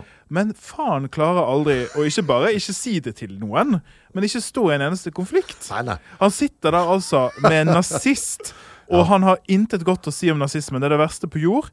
Men han har ikke lyst til at det skal bli litt kleint. Og ikke bare det, han fortsetter å date henne. Ja. Og det er liksom Der har jo du, der har du en type, ass. ja, du har det. Du har det. Og det er, så no, no, altså det er noe som gjør Ask til en karakter som er litt vanskelig å like. Vi har, vi har det overgrepet, selvfølgelig, som er selvfølgelig ikke OK i det hele tatt. Du har det at han er simultant fryktelig narkotisk avhengig av kvinner, samtidig som han har ingen interesse av de. Og så er det òg det at han har sine standpunkt. Han har harde, svart-hvitt standpunkt på politikk og på samfunn, på meteorologer, men holder alt inni seg.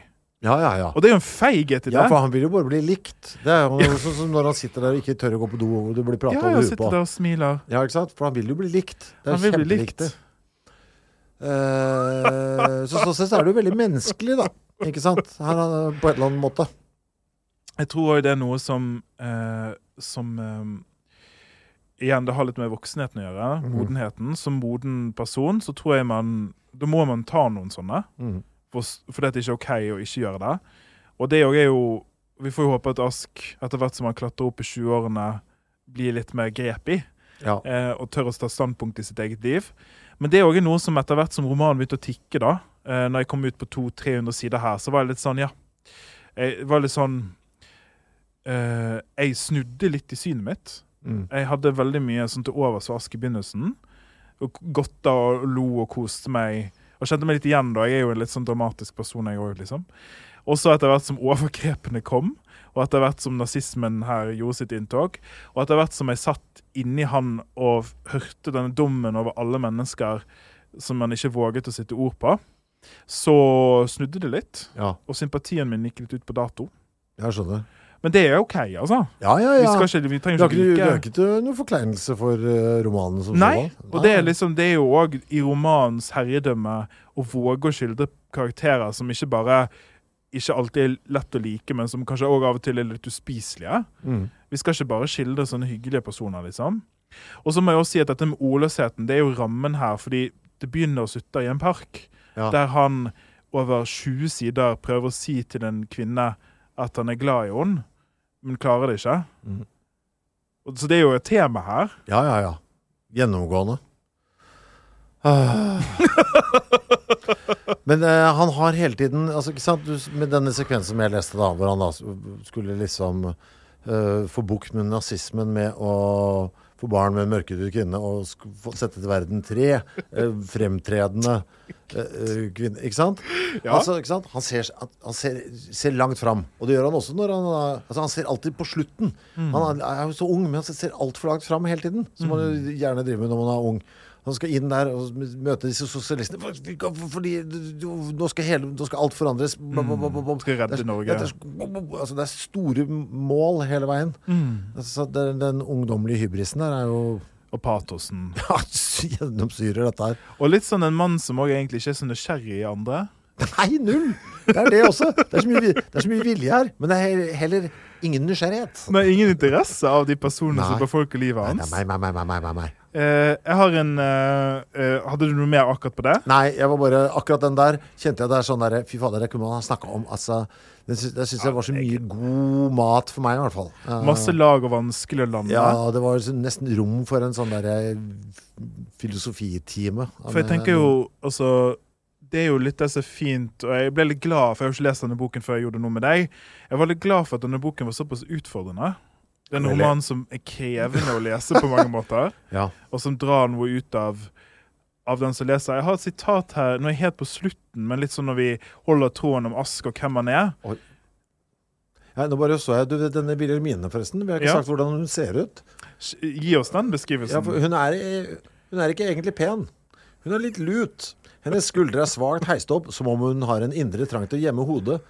Uh, hennes brunhudete ansikt er heller ikke egentlig vakkert. Hun virker litt treg og tung. En tanke underbitt har hun også. Takk for meg. Ja, Men se tenk men, å si det om noen som du Ja, hun er nazist, da. Og ikke bare nazist, men han finner ikke ut av det før kjempeseint. Nei, fordi han snakker nemlig ikke med henne. Nei, han bare sitter og tenker ting om henne. Eh, Jeg har en, eh, litt dette med Asker-karakter. Helt på slutten her, på side 407, så har Ask en sånn altså, En litt sånn oppsummering egentlig av hvem han er, som Ja. jeg bare ville ta. Det er et kort sitat. Først begynner det med Han var en amatør. Han elsket livet når det var godt. Han gjøs i redsel tilbake når det var ondt. En elsker og en amatør. En ung mann så fryktsom og så følsom at han før måtte drepe seg selv enn han kunne drepe en kattunge. I dette tunge, syknede sekund visste han at han var dømt til å være en evig flyktning, en evig svikter, sviker ovenfor døden. Til tross for sin legemshøyde og legemsstyrke, til tross for sin ureddhet og djervhet, til tross for all kamp han kunne føre mot tvang og undertrykkelse, til tross for alle farger på sin palett og alle piler i sin kogger, til tross for satyren og titanen i ham, så hadde han et hjerte som en ung pike. Mm. Ja. Så, er klart det er som en ung pike. er Ja, litt- jeg reagerer jo litt på det. Det er litt pussig, det. Og dette er jo Ask sin oppsummering av seg sjøl. Og Ja. til og med i den fins det patos, når han begynner å ta satyren og titanen. liksom. Men han har jo noen poeng, da. Ja. Men eh, ja, ung pike, det kanskje ikke vi hadde sagt det på den måten mer. Nei. Du, hva er den røde rubinen, da? Ja, det er det drømmen, da. Eller? Altså, det er liksom det han strekker seg etter og prøver å finne, på en måte. Altså For han er jo på jakt. Han, jo, altså, han har jo et eller annet lønnlig håp om den store kjærligheten, den store framtiden her. Vi møter han jo på slutten når han har funnet den kjærligheten. Ja, så det ordner seg jo. På en måte. Ja. ja. Men ja, så sangen om den røde rubin som eh, boken heter eh, Det er ikke i klartekst hva den røde rubin er, og det er bare et par steder i boken der det nevnes. For eksempel et sted nå det for hukommelsen min, så sier han at ja, over henne så hvilte ikke skjæret for den røde rubinen. ja, ikke sant. Så det er en sånn eh, Den Det er en hellig gral, på en måte. eller Ja, en sånn drømmen, liksom. Ja. Om livet og kjærligheten og de store tingene. Ja. ja, for han har Ja, igjen, da. Han ser på slutten, liksom. Han, han vil ha alt. Det, han vil ha alt, og han vil ha det nå. Ja, han vil ikke jobbe for deg? Nei, og jeg vil, jeg vil være, være vekt, mektig, innflytelsesrik, ha masse penger og den store kjærligheten. Og jeg skal ha det nå. Jeg er 20, for, for pokker. Eller 21, som det nå er. Ja. Har du noe annet sånn uh... Nei, jeg må bare si et par av de tingene som jeg likte med Eller som skjedde mye med når jeg leste boken her. At uh, jeg ble liksom sittende og mimre litt over mine, mine egne ting. Da. Når han er på universitetet for første gang, så begynte jeg å tenke Når jeg skulle ta X-Fill Altså, å tenke tilbake på sånne episoder. Han tar for seg motorsykkellappen på et tidspunkt. Mm. Og da ble sånn tok jeg meg selv å legge fra meg boken litt og tenke på når jeg fikk meg moped. Ja. Uh, Han skal gå i smoking på et eller annet tidspunkt uh, her, som er altfor stor. Mm. Så begynte jeg å tenke faen, smoking har jeg faktisk aldri gått med. Eh, Er det, er det noe man leier? Så begynte jeg, så jeg til, ja, altså, det var en sånn bok hvor jeg ofte blir sittende Og det er alltid litt kult, syns jeg. Mm. var sånn, jeg tar meg selv i å Oi, shit, nå har jeg faktisk ikke lest i fem-ti minutter. Nå har jeg drevet og tenkt på Ja, meg sjøl og mitt. Samme og det, det syns jeg er ganske gøy, da. Jeg òg Jeg hadde veldig på Altså, det er deler av Ask som jeg kjenner meg veldig igjen i. Jeg var en, en 20-åring som jeg ikke liker sjøl, hvis du skjønner? Ja, du liker den ikke nå? Nei. Nei. Jeg ville aldri likt meg sjøl som 20-åring. Nei. Og det som Altså, jeg er fortsatt en mann som Det er alltid veldig dramatisk, liksom. og verden er veldig stor, og liksom alt som skjer med meg, er veldig mye. Så det har jeg beholdt. Men den her, den her store tanken om seg sjøl og sitt, og den her 'jeg har løsningen på alt', Ja. men samtidig ingen ærbødighet og ingen ydmykhet i møte med verden, det det, ofte, tok jeg meg ofte meg sjøl i døren. Da var jeg sånn Ja, det her husker jeg.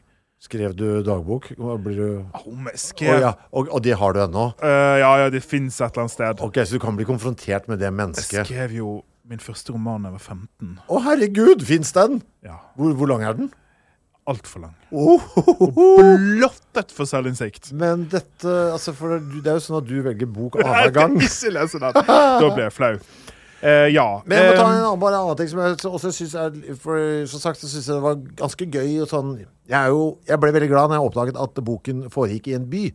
ja. Uh, der. For jeg syns det er litt uh, Som bygutt uh, sjøl så hvis jeg hadde vært ute på bondelandet, så hadde det på en måte blitt litt annerledes eh, for meg. Det var enda lettere for meg å relatere meg til det. Fordi det var liksom Oslo. Du går, til, du går på en pub, og du går Ja, ikke sant? Eller det var ikke fra Oslo, men det kunne like gjerne vært. Sånt likte jeg. Og så var det sånne sekvenser som dette hvor jeg følte jeg lærte litt, faktisk. Ja. Eh, Jeg skal vi lese dem. Dette er ikke noe med Ikke viktig for handlingen eller noe som helst. Eh, han er veldig redd for å sette barn til verden igjen, så det er mye styr med å få på kondomer og sånn. Men her er det en annen løsning. eh, her, som jeg ikke jeg visste den har ikke jeg hørt om engang. Og jeg ble sånn jøss. Nesten lyst til å ha en egen uh, podkast på rekommandert om eh, prevensjonsmidler i Ja. Norge. Han famler svimmel etter en eske med Mødrehygienekontorets stikkpiller. Husker du det? ja.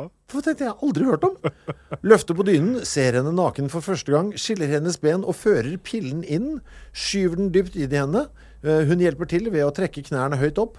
Han rekker å tenke på bruksanvisningen som sier at pillen skal føres inn tre minutter før samleie finner sted.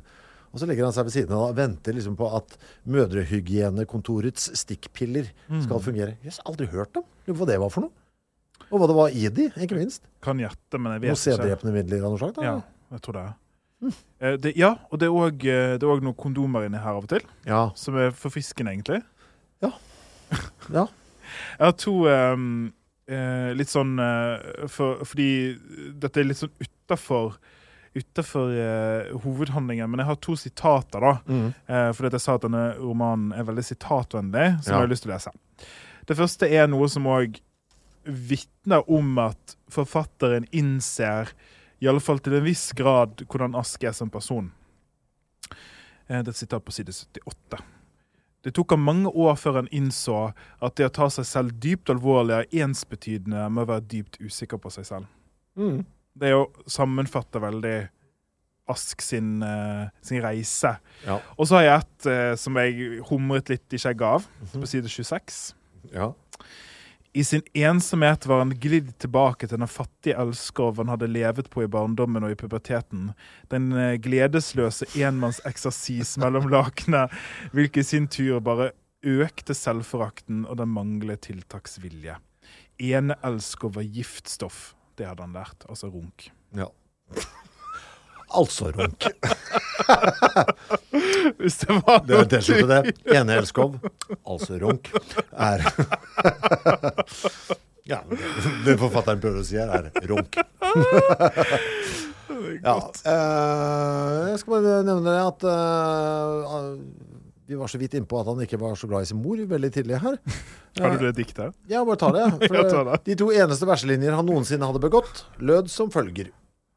Over alle på Guds jord hater jeg min egen mor.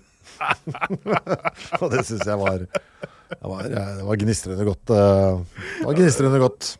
Det er Nei, men du, det var en Altså, det var en fest. eh, fordi du, du det, Hva skal vi si, da? Det, er, du, du, det går ikke an å kjede seg her. Nei. Og det er jo noe av det råeste med den, syns jeg. Ikke sant? Det er jo en roman da som er uh, snart 70 år gammel, og det går ikke an å kjede seg. Uh? Skrevet på et litt grann, ikke ganske ungdommelig språk, tross alt. altså. Det er lettlest. Er det ikke sånn radio-NRK-opplegg? Nei, det Eh, skrevet med, jeg tror ble, den ble oppfattet som ganske så muntlig. Jeg tror det, ja. Mm. På riksmål. Jeg skal oppsummere Ja, det er min hovedoppsummering. at det den er, sier seg. Nei, og den flyter For det er, masse trøkk uh, der. Og så er det jo Ja, som gjør den lettlest. Mm. Og, og du ler mye, og så er det mye sånn Oi, wow, wow, wow. Ja. Og, og, det her er ikke dette er, dette er virkelig ikke greit. Og dette, er, dette var rart, men ikke, kanskje ikke greit. Og så Nei, den, ja, det var det. Altså, det var så, det var så, den er som en jævla bløtkake, liksom. Det er jo noe sexlag her, noe Norge anno der. Liten overraskelse inni der. Ja, fy faen. Ja. Så nei, nei, det var jo det, det, en kraftig dessert. Eh, på, min, eh, på plussiden for meg Mm. så er det um, en viktig roman sånn når du bor i Norge. Mm. For den, den kontekstualiserer veldig mye. Ja, Det gjorde jo at ting, eh, flere ting ble lov, da. Ja, og man flytta flytter seg, liksom. Ja. Og, og man kan tenke at dette er en inngang til 68-erne, egentlig. Jeg ser det litt sånn Ja, litt. Ja, ja. Eh, og så er det Jeg likte veldig godt eh, Det er- en roman som eh, Så jeg så våger å gi meg en karakter som jeg ikke nødvendigvis liker. Mm. eh, som har sine svakheter og sånn. Ikke så kult med overgrep. Men grunnen til at det ikke er kult er, Du kan godt skrive om overgrep. Det er ingenting som er forbudt, men grunnen til at jeg syns det ikke er kult Nei, det, det, er, det er jeg, jeg, for min del at jeg tror ikke forfatteren hadde noe problem med det. Ja, Det er, ikke problemet. problematisert. Nei, for det, det, det er helt greit Ikke helt greit, men uh, altså I romans romansform så er det ja, helt greit det at en, en gjør et overgrep og ikke ser at det er galt, for at vi skal skjønne det, på en måte. Mm. Men her har jeg ikke Jeg har, ikke, jeg har følelsen av at forfatteren sjøl Ja. ikke har noe problem med dette. Samme. Men klart, nå leser jeg Det kan hende jeg tar helt feil uh, der. At det bare er slett håndverk eh, akkurat i den Tror ikke han her drev med slett håndverk. Nei, jeg tror heller ikke det. Det, det. Så det er akkurat den Og da ble jeg liksom tenkende ja, og av en eller annen grunn Da detter jeg nesten litt ut av historien nå, for jeg begynner å tenke på forfatteren litt Mm. oppi det og, også. Bare sånn Hva faen syns du at dette var greit, egentlig? Så Ja, det, det syns jeg ikke var så bra. kan jo si litt eh, om Mykle på tampen, og det er at han øh, eh, Det er skrevet en biografi som jeg har lyst til å lese på et eller annet tidspunkt. Mm Eh, eller flere biografier. Eh, men en av de eh, handler liksom om uh, Mykle-prosessen. Eh, og det ser ut til at etter Mykle eh, gikk gjennom denne prosessen, så gikk luften litt ut av han. Ja. Eh, det ble ikke så mange romaner etterpå. Eh, og eh, det ser ut til at rettssaken har vært en stor påkjenning for han. Han måtte på en måte stå og forsvare åndsverket sitt. Eh, og det er klart at når det begynner å bli sånne privatlivsting som blir tatt inn i offentlig skuemål, så er ikke det så kult. Men han har, eh, det er jo litt sånn gøy, da. Multikunstner, selvfølgelig. Han har vært en pioner som sammen med konen sin, Jane Mykle, etablerte Norsk Dukketeater i 1949. Det er gøy. Eh, og det var en som sa til meg her på, før jeg kom inn i studio, at uh, sønnen hans sto bak Pompel og Pilt. Ja, jeg har jo hatt en uh, egen rekommandert om uh, dukkemaking. Ja. Og da var gjesten min Jon Mile, som jo da gikk i læra hos nettopp, Ja, nettopp. sønnen Mykle. Han som lagde da Pompel. Kan fortelle Mm. alt om hvordan det var å lære seg dukkemakeri fra den slekta. Kan, du oppsummere det? Eh, ja, det var strengt. Det var meget strengt. Ja, det var det jeg hadde trodd. Eh, ja. Eh, Den biografien heter 'Mykle et eh, diktet liv' av Anders Heger. Eh, liten fun fact her på tampen er at eh, det er visstnok et helt kapittel om hvordan Ask Bjørlefot forsøker å bli kvitt et brukt kondom som er fjernet fra originalmanuskriptet. Mm. Eh, Det er Anders Heger som forteller dette, eh, og som mener da at utelatt materiale har hatt en svært høy litterær kvalitet, men at vi trenger da det forstendige manuskriptet her, fordi at det finnes flere versjoner av boken. Ja. Og at det er strykninger som da har blitt gjort her av forleggerne osv. osv. Eh, skal vi uh, Altså, dette var en fryd. Jeg er kjempeglad for at du valgte den. Uh, veldig, Veldig glad, morsomt. veldig glad for at jeg nå har lest den. Jeg føler Ja, den ga meg faktisk overraskende mye. Ja. Vi, to, vi har to spalter her i, Ja. før vi deler ut neste bok. Yes, sir. Den første heter Tipsbanken, Mhm. eh, og den går ut på at vi får veldig mange tips. Vi tar vare på det. Frykt ikke, folkens. Frykt ikke. Og noen ganger er det jo sånn at det ikke bare for oss, det kan være dere som hører på har lyst på boktips òg. Ja. Så da får vi høre. Hei! Hei. Er det slik at man kan komme med spennende tips for hva dere kan lese og diskutere? Niks. jo da, selvfølgelig. I så fall vil jeg gjerne foreslå Skammens historie, den norske stats mørke side, 1814-2014 av Thomas Westgården og Sigmund Aas. Innspillet, det som er godt med det innspillet, er at det minner meg på at vi kan jo selvfølgelig også ta faglitteratur, ja. Så lenge det er uh, Ja, er interessant. Alt må, er lov her. vi må sørge for at ikke vi bare tar romaner. Det må ikke, men det er en Nei. mulighet. Jeg har en ambisjon, men skal, vi kan spare det. Eh, lytterbrevet denne gangen går på Bambi, som var forrige ukes bok. Ja. Forrige måneds bok. ja, måned blir det. Måned blir det. Eh, gratulerer med megakonsept. Takk. Eh, det var et par ting jeg hadde lyst til å dele i sammenheng med første episode. Først og fremst så synes jeg det var veldig kult at dere hadde valgt, eller at Kristoffer hadde valgt Bambi. Takk. Ja, ja, ja. ja. Bare hoppe litt her. ja. Eh, jeg, altså den som har sendt det inn, jobber akademisk og praktisk med oversettelse og gjendiktning, og derfor over middels interessert i aspekter som relaterer seg til dette. Derav kommentaren, fordi lytteren sier Jeg likte godt lesningen av han. Vi husker jo at det var eh, jegeren som har stor H, Ja. og at vi hang oss fast i det som en sånn slags gudsmetafor med stor bokstav. Helt enig med dere. Og det er naturlig å lese den sånn når han har den engelske utgaven. Men her kommer poenget. På tysk, altså som originalboken, ja. er alle personlige pronomen med stor bokstav. Men også da ah, ah, Oi! Altså må dette være et Ah. valg av oversetteren. Sp interessant. Kjempeinteressant. Sant? Eh, Det er derfor vi har lyttere som er smartere enn oss. Eh, Dere kommer jo litt inn på publika publikasjonshistorien i slutten, men jeg skulle gjerne sett at dere gravde litt mer i oversetteren. Mm. Det er jo Eh. flere oversettere og derfor vi da gikk for akkurat denne som var kommet ut nå. Ja. Jeg så at det var så blitt så Eller det var derfor jeg valgte akkurat denne varianten, for jeg så at det var liksom da Mm. En øh, Ja, eller vet du hva. Det var mest fordi oversetteren sjøl mente sjøl at han hadde den beste, øh, og det var den nyeste. Så var det litt sånn Nå har jeg prøvd å være nærmere, men klart der har jo ingen forutsetning for å vite om han har rett, eller om han bare Men grunnen til at jeg likte det, fordi at dette, altså stor H der på engelsk er jo ikke noe man naturlig altså Stor H i han har man ikke på engelsk. Mm. Så da har oversetteren gjort et valg, og så påvirket teksten, da. Ja, det gjør det faktisk. Der har det har veldig stor påvirkning på teksten. Så jeg faktisk. syns det var veldig godt innspill. Mm. Eh, Så tusen takk for det. Vi, eh, dere får, hvis dere vil sende oss innspill og lytterbrev og sånn, så er vi på Facebook. Og jeg må si det er et ønske jeg har når dere nå skal si hva dere mener om sangen om den røde rubin. Altså, jeg oppfordrer dere til å svare på andres meninger også. Altså sånn at dette ikke Snakk med hverandre også eh, via Facebook-sida vår i kommentarfeltet der. Og så hiver vi på hvis du kan Jeg liker å se folk eh, diskutere med hverandre i samtaleform rundt bøker. Som jeg sa når jeg var inne på Goodreads-greiene der, og ser folk Jeg synes debatterer. det er kult også. Så gjør det der. Snakk med hverandre. Bruk den Facebook-sida til å diskutere ting. Og så følger vi med, for det er jo ikke noe sånn som en objektiv lesning av en tekst. Nei, er ikke det? Det er så mange måter å lese det på. Ja, Vi Og kommer jo inn her som to Leser jo sangen om den røde byen som to menn Ja. her eh, nå. Så hva er lesningen fra et kvinnes perspektiv? Mm. Eh, Det er altså interessant. Veldig interessant.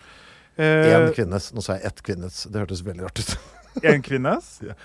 En, kvinnes. en kvinnes perspektiv. Ja. Ja. Har du lyst til å Nå er jeg spent. Ja, neste uh, måneds bok. Uh, jeg har sjekket litt. Eh, jeg fikk litt dårlig samvittighet over den første Bambi fordi den var, kunne være litt sånn jobb å få tak i. Ja. Denne fins i de aller fleste bokhandlere okay. uh, der ute. Og hvis de ikke har den, så kan de si ja, men de har den på Hvis du går på ark, da, for eksempel. Ja, men de har den på ark på Byporten. Altså, Ja, så de har et annet sted. Ja, Okay. Kan jeg gjette? Ja. Uh. Nei, ja. uh, jeg tror um, Ja, Nå så dere kanskje? Nei, jeg så ikke det. Jeg så opp for å late som jeg ikke så. Mm -hmm. uh, er, det, er det en roman? Nei. Bra. Er det en ikke-hvit person som har skrevet? Ja. Bra. Er det eh, Er det, er det sakposer? Nei. Er Det er en novellesamling. Nydelig! Mm. Eh, ja, da vet jeg ikke noe mer. Eh, og da er det på tide at vi leser noen damer også. Ja. Eh, så det du skal få lov til å lese, eller alle sammen skal få lov til å lese nå, er en novellesamling av en nigeriansk forfatter som heter Chimamanda Ngozi Adiche. Jeg vet Ja. ikke om jeg uttaler det riktig. Det navnet har jeg hørt før, tror jeg. Ja, øh, jeg har Ikke lest denne boken, Nei? men jeg har lest eh, hennes uh, forrige bok, uh, 'Half of Yellow Sun'. Uh, elsket den. Kult. Simpelthen elsket Half of Yellow Sun. Uh, dette her er en novellesamling som kom etterpå, tror jeg, som heter The Thing Around Your Neck. Uh, vær så god. Eh, Se der, ja. jeg leste jeg hadde, jeg, hadde den bok, hadde den hjemme, og så hadde jeg lest to sider. Så kom jeg på Nei, men for faen! Jeg, kan jo, jeg må jo vente. Jeg, Ja, ja, ja. Vi må lese den sammen isteden. Uh, jeg skal bare si om den. Uh, Half of Yellow Sun, som vi ikke skal lese. Uh, den da den handlet om uh, Biafra-krigen Ja. eh, der nede. Og da lærte jeg altså så mye. I tillegg til at den var kanongodt skrevet, så lærte jeg altså så åndssvakt mye uh, om uh, Ja, om Nigeria og om Afrika, egentlig. Altså i sin helhet. Den var meget, meget god. Men det her, jeg håper den er bra. Ja. Jeg tar det helt for gitt, for hun skrev, skrev i hvert fall kanonbra i den forrige, så jeg regner med at dette syns dette er veldig kult. Jeg synes det er veldig glad Det har vi snakket litt om på bakrommet. At Mm. vi skal sørge for at vi leser eh, tekster fra alle steder i verden, Ja. og ikke holder oss bare i Europa og i USA. Nei. Eh, jeg har lest litt afrikansk, men ikke veldig mye. Så Mm. der er jeg eh, ny. Så det er kult. Mm. Og veldig kult med novellesamling, fordi uh, det novellesjangeren er jeg veldig glad i, og den sjangeren har jeg har skrevet ganske mye sjøl. Ja. Uh, så jeg syns det er veldig gøy å få lov å lese noveller. Ja, og så er det jo litt sånn lettere å posisjonere ut i hverdagen også. Nå, oi, nå har jeg en time. Ja, jeg tar en av disse. Skal vi se, hvor mange er det i den her? Altså, Det ser ut til at det er Skal vi se Åh. 1, 2, 3, 4, 5, 6, 7, 8, 9, 10, 11, 12. Tolv noveller, ja. En for hver disippel. Så bra. da, folkens, til neste måned så er det eh, Nå skal jeg prøve meg på navnet. Chimamanda Mm. Ngotsi Adichie. Mm. The Thing Around Your Neck, novellesamling. Vi legger selvfølgelig ut linker på Facebook-sida vår uh, til cover på bøker og alt sånt. Så, men dette, denne skal du klare å få tak i, altså. Ja. Den skal finnes stort sett overalt. Og da treffes vi altså 1. oktober. Er det det det blir nå, ja? Det er det det blir. Ja. Uh, jeg gjetter på at uh, det regner utenfor vinduet når vi møtes. Og enn så lenge så kan du la orgasmen klimpre som en fjord på veggen. Ok. Ha det bra. Ha det!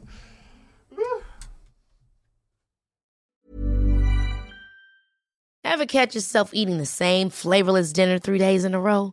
Dreaming of something better? Well, HelloFresh is your guilt free dream come true, baby. It's me, Gigi Palmer. Let's wake up those taste buds with hot, juicy pecan crusted chicken or garlic butter shrimp scampi. Mm. Hello Fresh. Stop dreaming of all the delicious possibilities and dig in at HelloFresh.com. Let's get this dinner party started. Hi, I'm Daniel, founder of Pretty Litter. Did you know cats tend to hide symptoms of sickness and pain? I learned this the hard way after losing my cat, Gingy. So I created Pretty Litter, a health monitoring litter that helps detect early signs of illness by changing colors, saving you money and potentially your cat's life. Pretty Litter is veterinarian developed, and it's the easiest way to keep tabs on your fur baby's health right at home. Go to prettylitter.com and use code ACAST for 20% off your first order and a free cat toy. Terms and conditions apply. See site for details. Hey, it's Paige DeSorbo from Giggly Squad. High quality fashion without the price tag. Say hello to Quince. I'm snagging high-end essentials like cozy cashmere sweaters, sleek leather jackets, fine jewelry, and so much more. With Quince being 50 to 80% less than similar brands.